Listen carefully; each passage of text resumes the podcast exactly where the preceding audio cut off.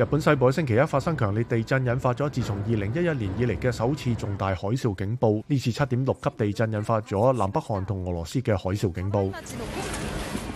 加沙救護車繼續抵達加沙中部嘅阿克薩醫院。以色列同哈馬斯之間喺呢個地區嘅中部同南部地區繼續發生巷戰。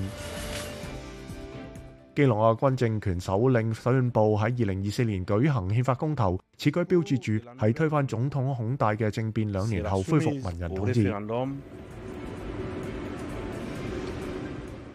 罗斯元旦对乌克兰港口城市敖德萨发动无人机攻击，造成一人死亡。